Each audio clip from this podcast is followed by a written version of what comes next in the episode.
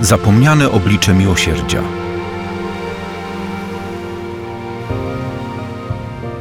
Modlić się za żywych i umarłych to ostatni uczynek miłosierdzia względem duszy. Trzeba go widzieć w łączności z pozostałymi. To oczywiste, że nie wystarczy się tylko pomodlić za głodnych czy spragnionych, ale trzeba ich nakarmić lub napoić. Ale z drugiej strony, samo zadbanie o materialną czy nawet duchową pomoc to za mało.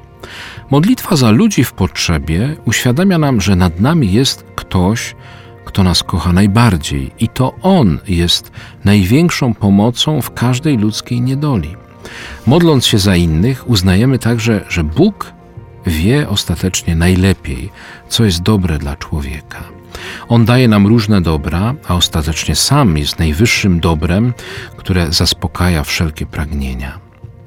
Ktokolwiek zna choć trochę historię, ten wie, że chrześcijanie zawsze praktykowali czynną miłość bliźniego, zakładali prowadzili przytułki dla ubogich, sierocińce, zakłady dla upośledzonych, szpitale, szkoły, uniwersytety, ośrodki rekolekcyjne. Temu wszystkiemu towarzyszyła jednak zawsze modlitwa, której nigdy nie traktowano jako czegoś, co zastępuje dobre działanie. Zauważmy, że kiedy dopada nas jakaś wielka tragedia, Ludzie spontanicznie szukają pociechy w kościele. Jednoczą się w modlitwie za tych, którzy na przykład zginęli w wyniku jakiejś katastrofy czy kataklizmu. Tak było po tragedii smoleńskiej. Modliliśmy się wtedy za tragicznie zmarłych, za ich bliskich, za Polskę.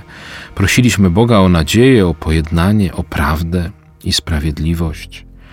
Kiedy dopada nas totalna bezradność, zawsze zostaje Bóg. Oczywiście zawsze będą tacy, którym takie publiczne modlitwy będą przeszkadzać. Ludzie mają prawo się różnić, mają prawo nie wierzyć w Boga, ale my, wierzący, mamy pełne prawo okazywać miłosierdzie swoją modlitwą, także publiczną. Co więcej, naszym obowiązkiem jest modlitwa również za tych, którzy nie wierzą w Boga lub wypowiadają mu wojnę. Oni tej modlitwy potrzebują, może nawet najbardziej, bo zagrożone jest przecież ich zbawienie. Co mówi Bóg? W Starym Testamencie wzorem modlitwy wstawienniczej jest Mojżesz. Wielokrotnie wykłóca się on z Bogiem o naród wybrany, który okazuje się ludem o twardym karku. Żydzi często odchodzili od Boga Jahwe, narzekali, buntowali się, popadali w bałwochwalstwo. To ciekawe, że kiedy Bóg unosi się gniewem na Izraelitów, mówi do Mojżesza Twój lud, a z kolei Mojżesz, biorąc w obronę rodaków, przypomina Bogu Ten naród jest Twoim ludem. Symbolem wstawiennictwa Mojżesza są jego wzniesione ręce, gdy naród wybrany walczył z Amalekitami. Izraelici zwyciężali wtedy, gdy ręce Mojżesza były podniesione. Przegrywali, gdy opadały. To wymowny symbol, że modlitwa człowieka ma wpływ na Boga. Oczywiście, że Bóg pozostaje zawsze wolny w działaniu, jest Bogiem, ale chce, byśmy zwracali się do Niego. Chce, byśmy pamiętali, że ratunek pochodzi od Niego. W Starym Testamencie, choć nie ma jeszcze jasnej wizji życia wiecznego, pojawia się myśl o potrzebie modlitwy także za zmarłych. W drugiej księdze machabejskiej mowa jest o złożeniu ofiary za Żydów, którzy zginęli za wiarę, ale przy których znaleziono przedmioty poświęcone bożkom. Juda Machabeusz zarządził wtedy składkę na ofiarę za grzechy zmarłych. Bardzo pięknie i szlachetnie uczynił, myślał bowiem o zmartwychwstaniu.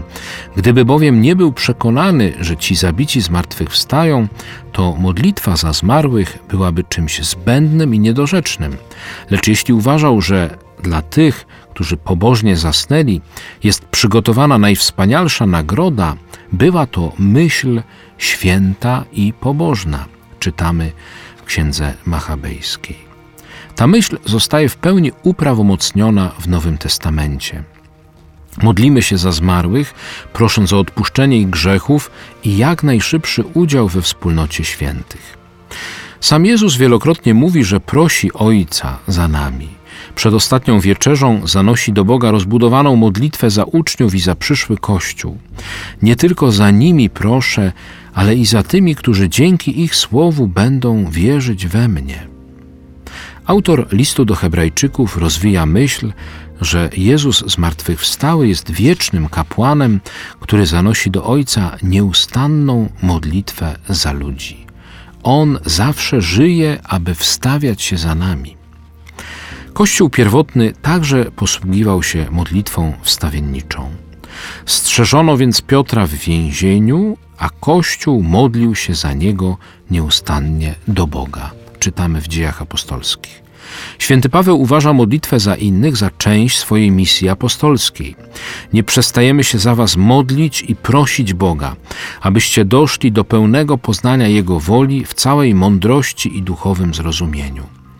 Apostoł traktuje taką modlitwę jako nieustanną walkę o ludzi powierzonych pasterskiej pieczy. Chcę, abyście wiedzieli, jak wielką walkę toczę o was.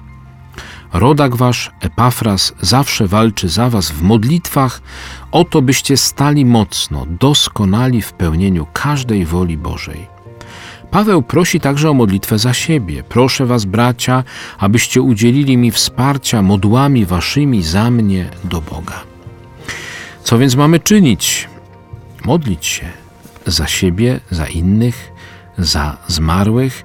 W każdej mszy świętej modlimy się za żywych i umarłych. Modlitwa powszechna to liturgiczna formuła modlitwy wstawienniczej. Najbardziej uroczystą formę ma ona w liturgii Wielkiego Piątku. To wymowne, że właśnie w obliczu Krzyża Chrystusa modlimy się za innych, starając się objąć wszystkich, cały świat.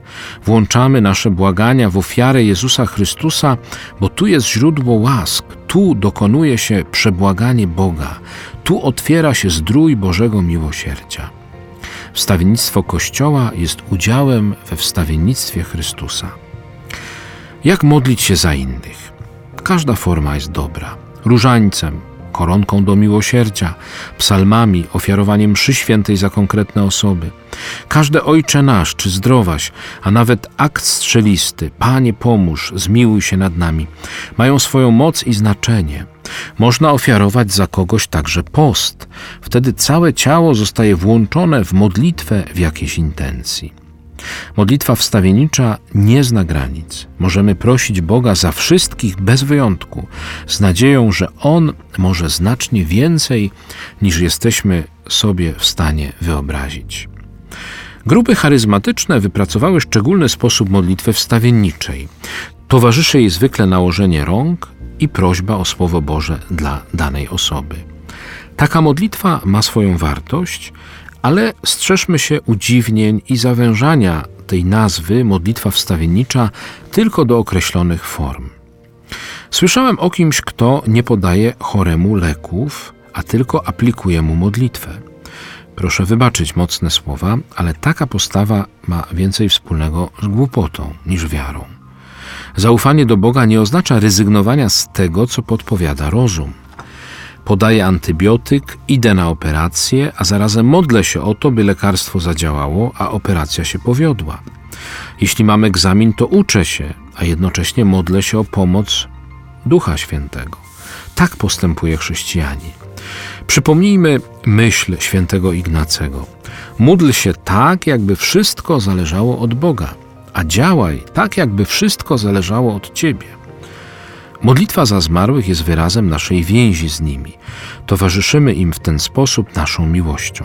Błagamy Boga o niebo dla nich. Jest tajemnicą, w jaki sposób nasza modlitwa działa. Bóg jest wolny w swoim działaniu i wie, czego nam potrzeba, a jednak chce, byśmy nawzajem modlili się za siebie. W tym bowiem wyraża się, rozwija i umacnia także nasza wzajemna miłość. Tak, Modlitwa to także wyraz pokornego uznania naszej zależności od Boga. Modlitwa tworzy duchową sieć, przestrzeń bezpieczeństwa, akceptacji, nadziei. Proście, a otrzymacie, mówi Pan. Modlitwa za innych odrywa nas od nas samych i otwiera nasze oczy na potrzeby innych. Bywa tak, że rzeczywiście nie wiemy, jak pomóc komuś w potrzebie, ale to jedno możemy zrobić zawsze modlić się. Kończąc nasze rekolekcje, dziękuję wszystkim słuchaczom i życzę owocnego świętowania Paschy Chrystusa.